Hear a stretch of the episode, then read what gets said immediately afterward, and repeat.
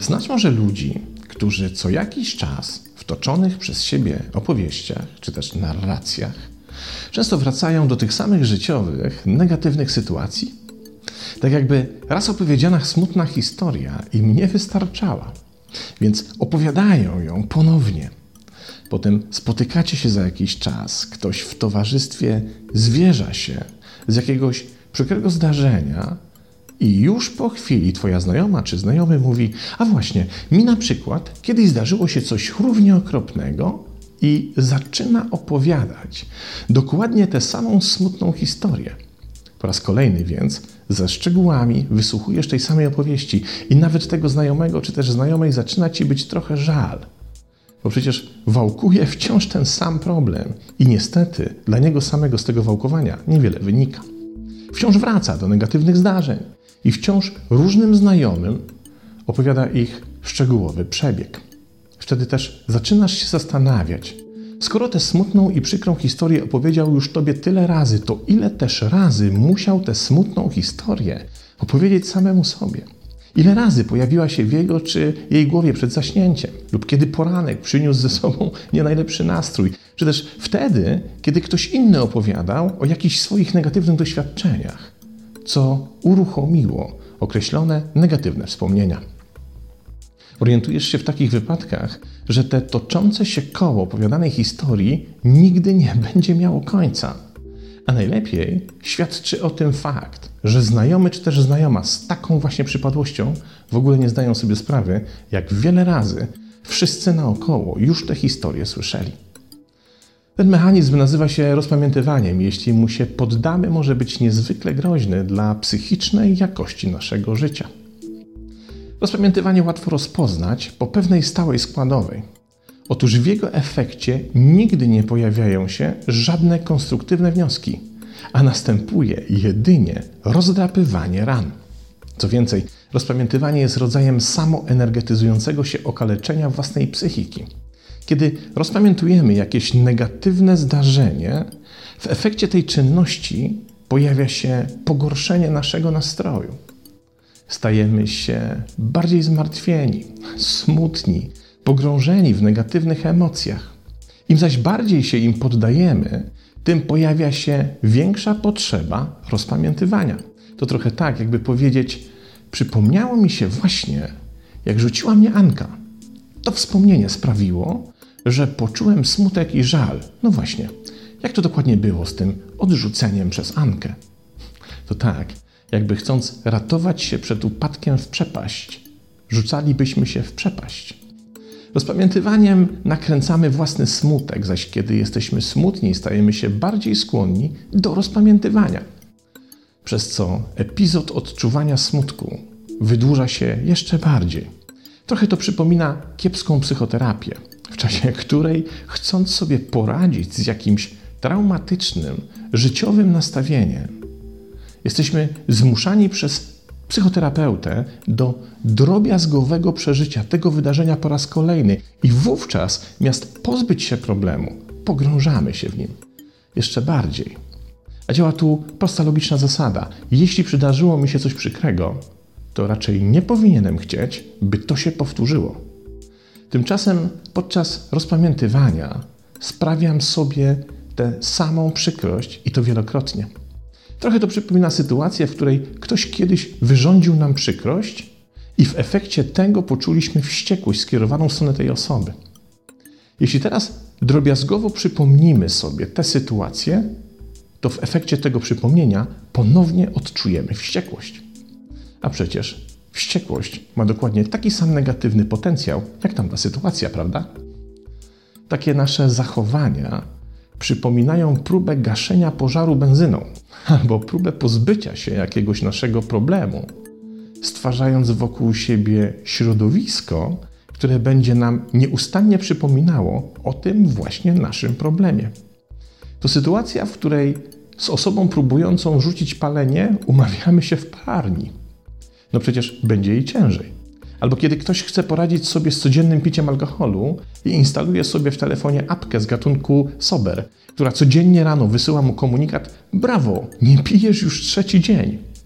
Przecież taki komunikat nieustannie będzie delikwentowi przypominał, że ma ochotę się napić. Rozpamiętywanie ma ten sam paradoksalny mechanizm. Nie da się uwolnić od problemu, nieustannie go rozpamiętując ale niejako przy okazji dzieją się jeszcze inne, warte odnotowania i niestety negatywne dla naszego systemu rzeczy. Otóż rozpamiętywanie kosztuje nas sporo energii, więc prędzej czy później będziemy musieli zapłacić koszt obniżenia możliwości koncentracyjnych, skupienia uwagi, motywacji, kreatywności czy umiejętności radzenia sobie w trudnych sytuacjach. Szczególnie w takich, które wymagają precyzyjnego, analitycznego myślenia. Co więcej, powoduje dużo większą, a i tak już dysponujemy wrodzoną wysoką, tendencję do dominacji negatywnego myślenia. Zaczynamy postrzegać całe swoje życie, zarówno przeszłość i przyszłość, wyłącznie w czarnym kolorze. I na co zwraca uwagę Guy Winch w swojej książce Emocjonalne SOS, zaczynamy postrzegać problemy jako trudniejsze do rozwiązania. Jak zatem poradzić sobie z tendencją do rozpamiętywania? Najpierw musimy się przyjrzeć pewnemu, sławetnemu eksperymentowi, w którym znajdziemy ważną wskazówkę, czego w pierwszej kolejności należy się wystrzegać. Tak naprawdę przyczynkiem do tego eksperymentu stał się fragment pewnego publicystycznego dzieła Fiodora Dostojewskiego Zimowe notatki o wrażeniach z lata. We fragmencie tym czytamy: Postaraj się postawić przed sobą to zadanie, nie myśleć o niedźwiedziu polarnym, a zobaczysz, że przeklęta rzecz przyjdzie ci do głowy w każdej minucie.